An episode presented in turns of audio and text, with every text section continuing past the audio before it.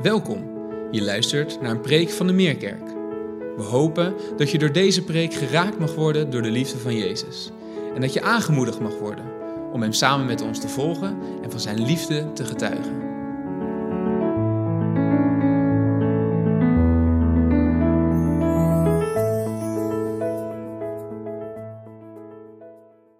Goedemorgen. Heel fijn om je vanaf deze plek te begroeten. En ook heel fijn om mensen in de zaal eindelijk weer eens te kunnen begroeten. Het is ontzettend fijn om jullie hier eh, te zien zitten en in bijzonder ook de dopelingen. Echt van harte welkom en wat een bijzondere gelegenheid om op deze Pinksterochtend je te laten dopen. Nou, ik wil ook in het bijzonder, en Trea noemde het ook al, maar ik als jongerenwerker moet het natuurlijk ook even noemen, de jongeren in bijzonder welkom heten. En geweldig dat jullie uh, kijken samen nu Waarschijnlijk met je ouders op de bank, zo kan ik me dat voorstellen. Nou, het is Pinksteren vandaag. En tevens ook de laatste zondag van onze prekenserie, Geopende Ogen. Nou, dat is precies het werk van de Heilige Geest. Hij, de Heilige Geest, opent onze ogen. Hij opent de ogen van ons hart. En daar willen we deze ochtend bij stilstaan. Nou, we hebben net het, de Bijbellezing gehoord en we kennen misschien allemaal het Pinksterverhaal wel. En toch kan het net zoals kerst en Pasen, die verhalen die kennen we en dan horen we dan en denken van ja, ja, ja, ja, ik ken dat verhaal. Maar raakt het ons nog wel echt? Lezen we nog wel eigenlijk hoe, hoe vreemd het verhaal eigenlijk is? Kunnen we ons als het ware inleven in die omstanders die dit allemaal zagen gebeuren en dachten, en wat er ook stond, ze stonden perplex. Wat is hier aan de hand? Wat is hier gaande? We zijn zo gewend aan het verhaal dat die impact van hoe vreemd het eigenlijk is wat er gebeurt, die impact die ontbreekt naarmate we het verhaal vaak genoeg gehoord hebben. Nou, wat ik vanochtend wil doen, is in de huid kruipen van die omstanders. En we lezen in de tekst dat zij zich verschillende dingen afvroegen. De eerste vraag is, wat horen we? Nou, die, die vraag lezen we niet letterlijk, maar in vers 6 lezen we dat er een heel aantal mensen afgingen op een geluid. Een geluid als een, windvlaag, wat heel hard klonk. Wat, wat is dat? Wat horen we toch? En toen bleek dus, dus dat de leerlingen en de apostelen daar in vreemde talen spraken. En ze herkenden die talen. Ze dachten, hé, hey, dat is mijn taal. En ze vroegen zich de tweede vraag af. Wat heeft dit toch te betekenen? Nou, om antwoord te geven op die vraag, geeft Petrus een toespraak, een preek. En als reactie op die preek is de derde reactie, de derde vraag, wat moeten we doen? Nou, die drie vragen, die wil ik met jullie vanochtend doorlopen. Wat horen we? Wat heeft dit allemaal te betekenen en wat moeten we doen? Nou, dan beginnen we bij de eerste vraag. Wat horen we? Nou, eerst een stukje context. Vorige week stonden we stil bij de hemelvaart van Christus. En hier beloofde Jezus dat hij de Heilige Geest uh, spoedig zal zenden, zal geven aan hen. Dat ze kracht zouden ontvangen om van Jezus te getuigen in Jeruzalem, Judea, eh, Samaria en tot het uiteinde van de aarde. Met die belofte gingen de discipelen van de Olijfberg toen Jezus naar de hemel was gevaren. En dan lezen we dat ze echt bij elkaar kwamen in een bovenkamer en zich vurig en eensgezind wijden aan het gebed. En dat duurde tien dagen lang. En op het Pinksterfeest gebeurde er iets bijzonders. Nou, het Pinksterfeest was ook een Joods feest, net zoals het Pesachfeest, waar we nu ons Pasen van kennen. En het woord voor Pinkster in het, in het Engels ken je misschien, misschien wel, Pentecost. Dat komt ook van uh, het Grieks en dat betekent letterlijk 50. 50 dagen na Pesach vieren ze het Pinksterfeest. Een Joods oogstfeest is dat. Ze vieren de eerste oogst van het land en brengen hun dank aan God daarvoor. Dat was ook de reden dat in Jeruzalem het misschien iets drukker was dan gebruikelijk. Omdat Joden ook buiten Jeruzalem naar Jeruzalem toe kwamen om die feesten met elkaar te vieren. Nou, het was op die dag, die Pinksterdag, dat ook de discipelen, de leerlingen weer bij elkaar waren. En wat er toen gebeurde, ongelooflijk, uit het niets. Een geluid als, als een harde windvlaag. Wat is hier aan de hand? En er komen vlammen en die vullen de kamer. En die vlammen die komen, dalen neer op de hoofden van iedereen die in die kamer aanwezig is. En ze beginnen te spreken in, in verschillende talen. Nou, dit is dus, als we in vers 6 dan lezen, waar de mensen op afkwamen. Die hoorden dat. Wat hoor ik nou toch? En die gingen er naartoe en ze dromden samen, staat er.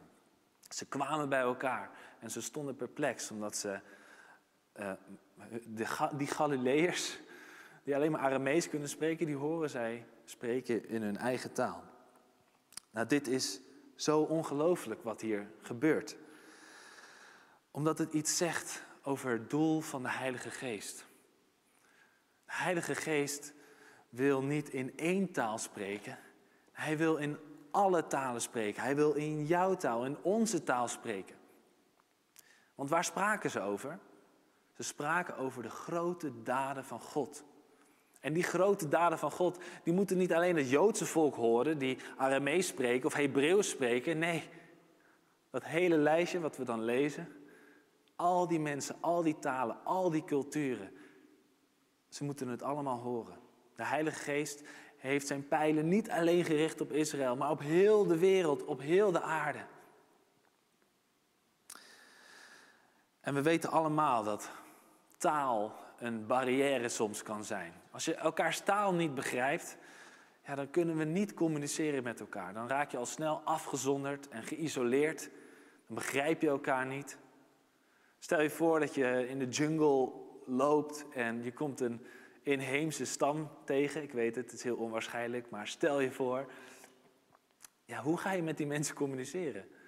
Je hebt geen taal, je kan geen woorden uitspreken. En dan zie je wel eens van die films dat mensen heel overduidelijk dan in hun eigen taal tegen zo'n volk beginnen te praten, maar het komt niet over. Ze gaan dan maar gebaren gebruiken. Als het niet met mijn mond kan, dan maar gebarentaal. Is ook een taal, is ook een manier van communiceren. Taal is zo ontzettend belangrijk om over te kunnen brengen een boodschap. En in dit geval de grote daden van God. En deze ervaring van taal en elkaar niet begrijpen, dat herkennen we ergens van. Helemaal aan het begin van de Bijbel, in Genesis 11, lezen we een verhaal over de toren van Babel. En het verhaal van de toren van Babel, dan zien we dat mensen een toren proberen te, bouwen, te, bouwen met elkaar. Die tot de hemel reikt, omdat ze denken van joh, uh, wij hebben God niet nodig. Wij kunnen zelf wel een toren bouwen die net zo hoog is, eh, of misschien wel hoger dan de Allerhoogste God. Nou, ze proberen die toren te bouwen en we weten wat er dan gebeurt. God zorgt voor een spraakverwarring. Ze kunnen op een gegeven moment niet meer met elkaar praten. Als de een tegen de ander zegt: hey, geef me even die hamer. Dan kijkt hem aan, geen idee. Wat, waar heb je het over? Wat, wat, wat uh, kraam je nou voor onzin uit? Ze begrepen elkaar niet meer. Dat was de reden dat de bouw stagneerde en dat de mensen, het volk, ja, verspreiden over de aarde. Nou, wat hier met Pinkster gebeurt, is precies het tegenovergestelde. Waar de verwarring in de toren van Babel veroorzaakt wordt omdat ze de taal niet begrijpen, ze verstaan elkaar niet, lezen we hier in vers 6 dat de verwarring wordt veroorzaakt omdat ze hun eigen taal juist horen.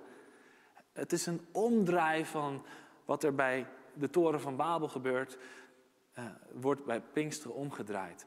Dit is als het ware het startschot van het werk van de Heilige Geest in een verdeelde wereld. Waar we verdeeld zijn en allemaal onze eigen weg zijn, elkaar niet begrijpen. En dan weten we dat Hij een koninkrijk hier wilt stichten op aarde. En dat elk volk, iedere stam, elke knie zal buigen voor die Jezus. Nou, dat is wat we hier vieren, uh, wat we hier zien gebeuren met Pinksteren. En we moeten het niet vanzelfsprekend, als we vanzelfsprekend ervaren dat wij het evangelie in onze eigen taal kunnen horen en lezen. Dat is een wonder. En dat is een wonder van Pinksteren. Dat is daar begonnen. Het zo vanzelfsprekend. Ja, We hebben overal christenen over heel de aarde. Ja, maar ze hebben allemaal in hun eigen taal die boodschap gehoord. En wist je dat het zo'n 400 jaar heeft geduurd na Pinksteren dat deze boodschap van Jezus Nederland heeft bereikt? Tenminste, zover wij weten. De eerste christen die wij kunnen identificeren, dat is een meisje van vier jaar. En zij heet Amabelis. En we vinden in Maastricht haar, haar grafsteen in de Sint-Servaaskerk. En dat is een indrukwekkende grafsteen. En daar staat er ook op, hier rust in Christus Amabelis of Amabilis. Dus zij, of waarschijnlijk haar ouders, hebben het evangelie gehoord. In hun eigen taal, 400 jaar later na Pinksteren. En nu, 1600 jaar later weer, zitten wij hier zo in deze zaal of thuis op de bank en horen wij diezelfde woorden waarin zoveel mensen in de geschiedenis al tot geloof zijn gekomen. Hoe bijzonder is dat? Het is niet vanzelfsprekend. En dat is allemaal hier begonnen bij Pinksteren. Wat horen we? De grote daden van God in onze eigen taal. Oké, de tweede vraag. Wat heeft dit dan te betekenen? Want die mensen, de omstanders, die hoorden wel al die verhalen die de apostelen aan het vertellen waren over wat God allemaal heeft gedaan in de geschiedenis. Misschien wel wat God allemaal heeft gedaan in hun eigen leven. Maar ze vroegen zich af, wat heeft dit te betekenen? Het feit dat je iets kan horen en de woorden kan verstaan, betekent nog niet dat je het begrijpt wat er gezegd wordt.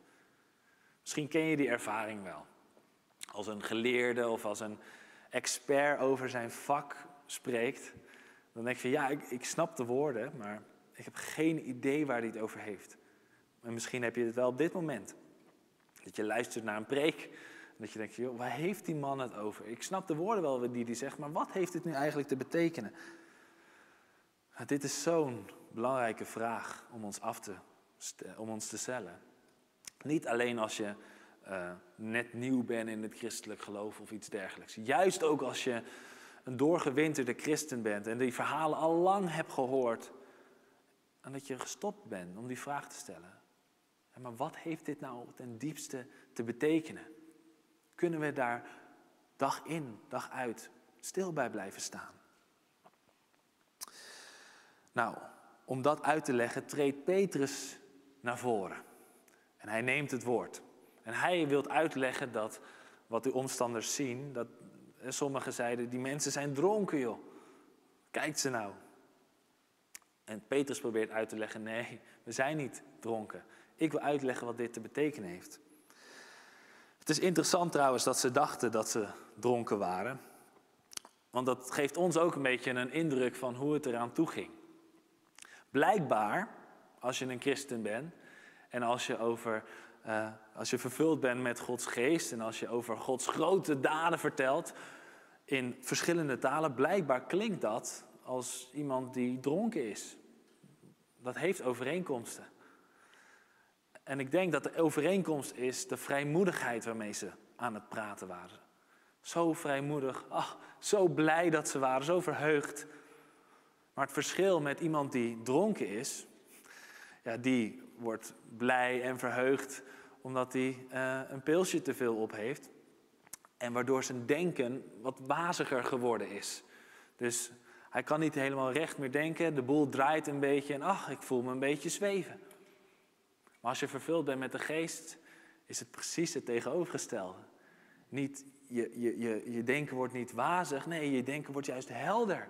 Juist omdat je nu iets inziet, je ogen zijn als het ware geopend, dat je denkt van, oh, maar als dit waar is, als Jezus uit de dood is opgestaan, als hij naar de hemel is gevaren, als de, zijn geest hier is neergestort uh, in ons midden, als dat waar is, als hij een koninkrijk wil stichten, als hij de hele aarde wil herstellen, inclusief mij, als dat waar is, ja, dan kan ik niet anders dan daar vrijmoedig over te praten en dan daar vreugdevol over te zijn en daar zo blij mee te zijn, dat ik het tegen iedereen wil vertellen.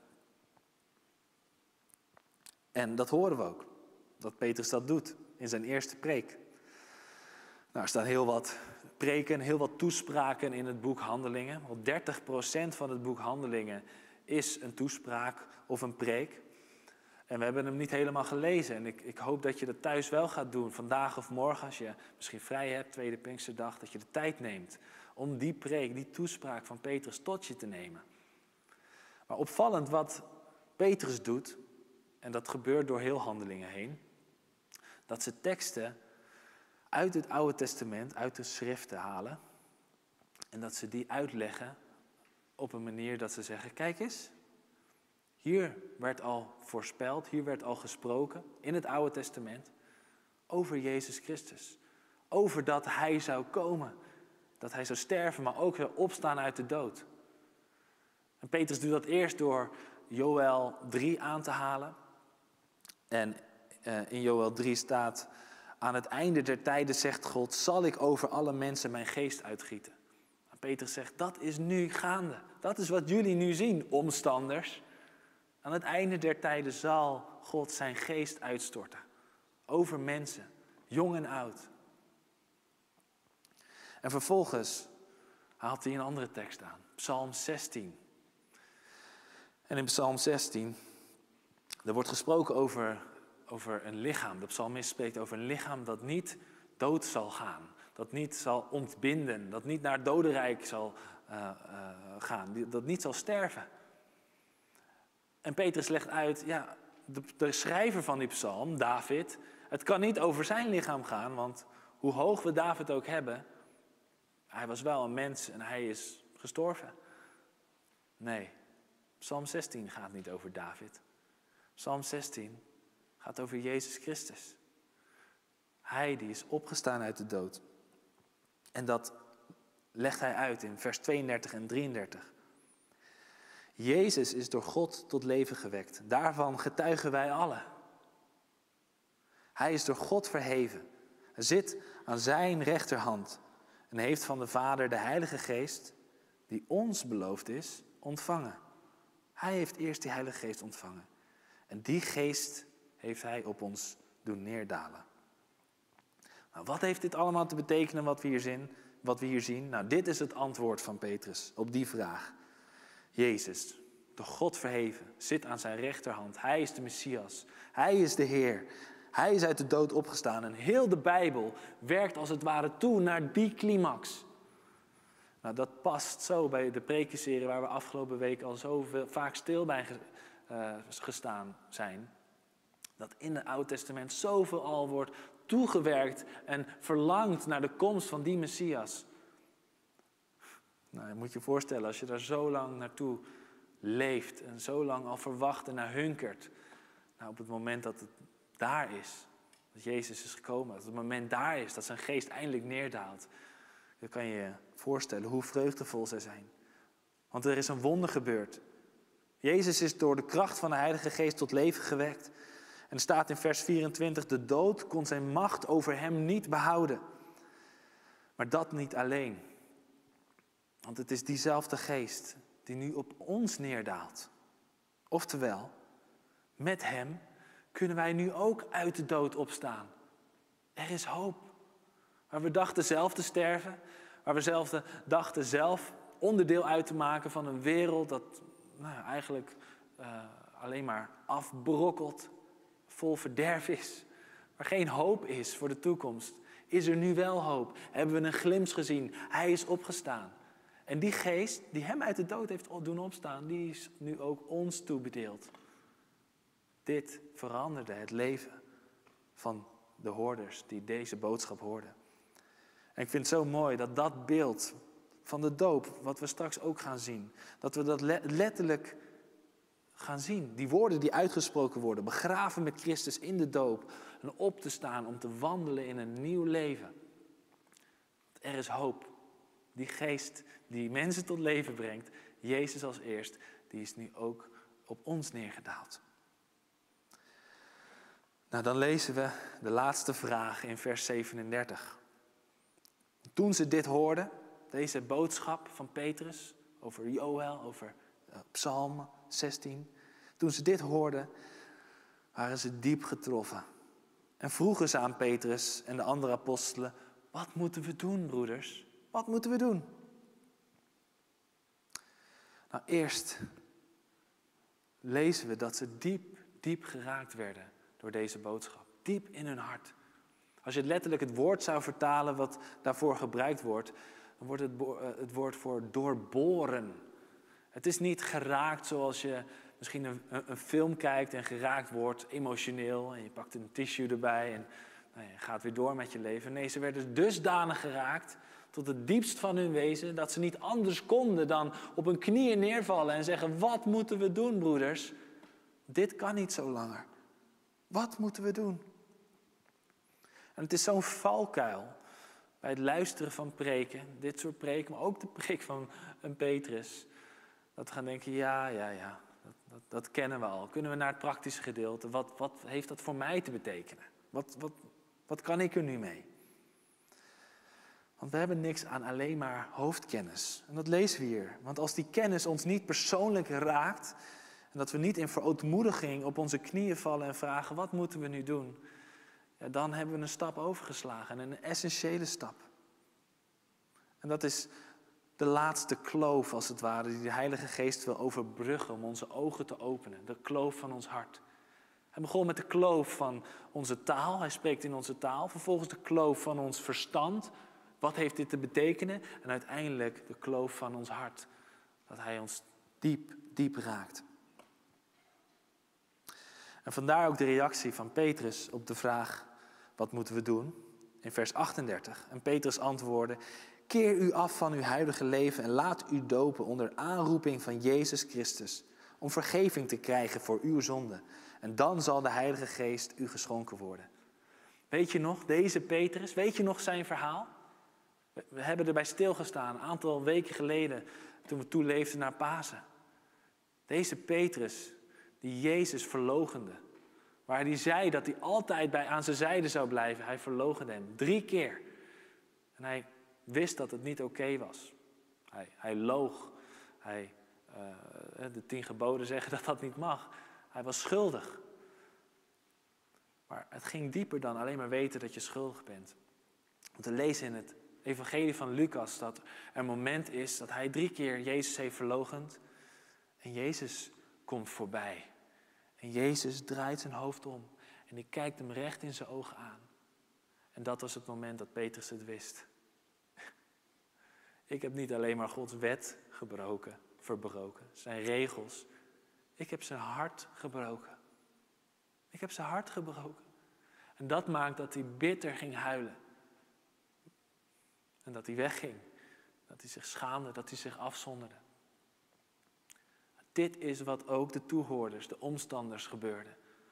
Ze zagen niet alleen, oh, we hebben een probleem, we hebben de wet overtreden en we moeten vergeving krijgen. Nee, zonde werd iets persoonlijks. Ik, ik heb Gods hart gebroken. Ik heb vergeving nodig van Jezus Christus. En als we dan gehoor geven aan die oproep, van wat moeten we dan doen? Keer je af van je huidige leven en laat je dopen onder aanroeping van Jezus Christus. En dan zul je vergeving van je zonde krijgen. Maar dat niet alleen, ook de belofte, dan zal je de Heilige Geest ontvangen. En daar wil ik mee eindigen. Want waartoe komt de Geest in ons? Waarom ontvangen wij de Geest? Soms wordt er wel eens over de geest gesproken alsof hij alleen maar komt om ons een pleziertje te doen of om ons dingen te geven die, die fijn zijn voor ons. Alsof wij centraal staan. Maar ik denk dat Jezus centraal wordt gesteld, gesteld door de Heilige Geest. Dat is zijn taak. Door de schijnwerpers van jou weg te halen en naar Jezus te richten. Het gaat om Hem. Zie wie Hij is. Kijk wat Hij voor jou heeft gedaan. Mensen in de kerk kunnen dan wel eens zeggen, iets in de trant van, ik wil meer van de geest. En waar dat verlangen goed is, kan er toch een bepaalde ik-gerichtheid in zitten. Ik wil meer van de geest. Ik wil iets ervaren. Ik wil een bepaalde sensatie, want dan, nou, vul maar in. Maar misschien is het omgekeerde wel veel meer waar. Niet ik wil meer van de geest, maar de geest die wil meer van jou. De geest wil meer van jou. Het is de geest die niet alleen de ogen opent van ons voor onze eigen zonde en onze hulpeloosheid zonder ingrijpen van God, dat we vergeving nodig hebben, eh, maar dat hij ook verlangt dat we ons volledig aan Hem overgeven. Hij wil dat wij ons volledig aan Hem geven, omdat Hij weet dat Hij alleen ons kan herstellen, niet wij. Als we kijken naar onszelf en naar onze eigen zondige natuur, denken we, ik, ik kan mijzelf niet redden. Ik heb u nodig. Dat is goed. Er is maar één manier waarop dat kan. Dus als we de controle uit handen geven en ons als het ware overgeven aan Hem. En dat is precies wat we straks in de doop ook gaan doen. En ik kijk de dopeling even aan. Jullie zullen straks achterovervallen in het water. Begraven met Christus in de doop om op te staan en te wandelen in een nieuw leven. Zoals Johannes de Doper het mooi verwoordde in Johannes 3. Hij moet groter worden. Hij moet meer worden. Ik moet kleiner worden. Ik moet minder worden. De schijnwerpers komen op hem te staan. En niet van mij. Niet mijn, ik moet verlost worden van mijn ikgerichtheid. En dat is wat we overgeven straks. Uh, als de dopelingen daar staan in het bad en zich overgeven. Maar ik hoop zo, en dan kijk ik die dopelingen nogmaals aan, dat het niet blijft bij één moment. Dit was mijn doop en morgen weer terug tot de orde van de dag. Dat we iedere dag een soort doop ervaren. Voordat we onze voeten op de grond zetten als we wakker worden. Dat we onszelf in eerste instantie, ook vandaag, ook morgen, ook overmorgen, ons overgeven aan Hem. Hij, de enige, de, de Heilige Geest die ons geschonken is. De enige die ons kan herstellen en ons weer heel kan maken. Ik wil het hierbij laten en ik wil heel graag met jullie bidden.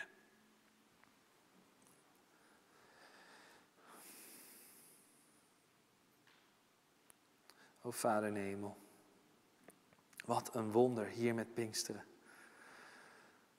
En vergeef ons, Heer, waar we het verhaal al zo vaak hebben gehoord, of misschien wel voor de eerste keer. Maar in ieder geval dat we niet de essentie pakken van wat hier gebeurt en hoe bijzonder dit is.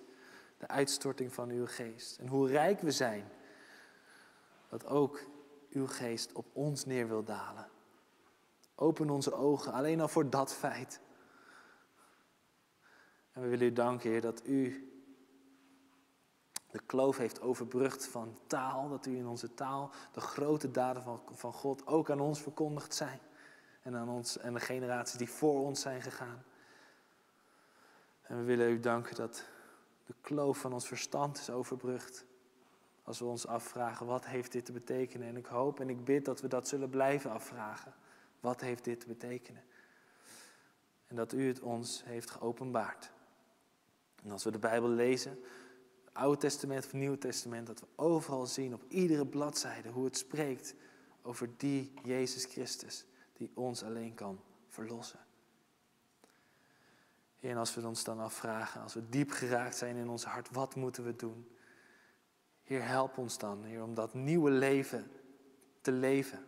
Geef uw Heilige Geest, zodat we niet alleen nu op dit moment ons kunnen overgeven, maar iedere dag als we ons afkeren van ons huidige leven, dat we dat niet één moment doen, maar ons hele leven lang om die levensweg vol te kunnen houden. Daar heeft u onze, uw geest voor gegeven. En alleen dan kunnen we getuigen zijn van Jezus Christus. Omdat we wandelende getuigenissen zijn. Wandelende mensen die veranderd worden gaandeweg door uw geest. En dat kan niet onopgemerkt blijven. Heer, wilt u dat doen? In mijn hart, in ons hart. Kom, o Heilige Geest. Dat bidden we in Jezus' naam. Amen. Fijn dat je hebt geluisterd. Voor meer informatie ga naar www.meerkerk.nl.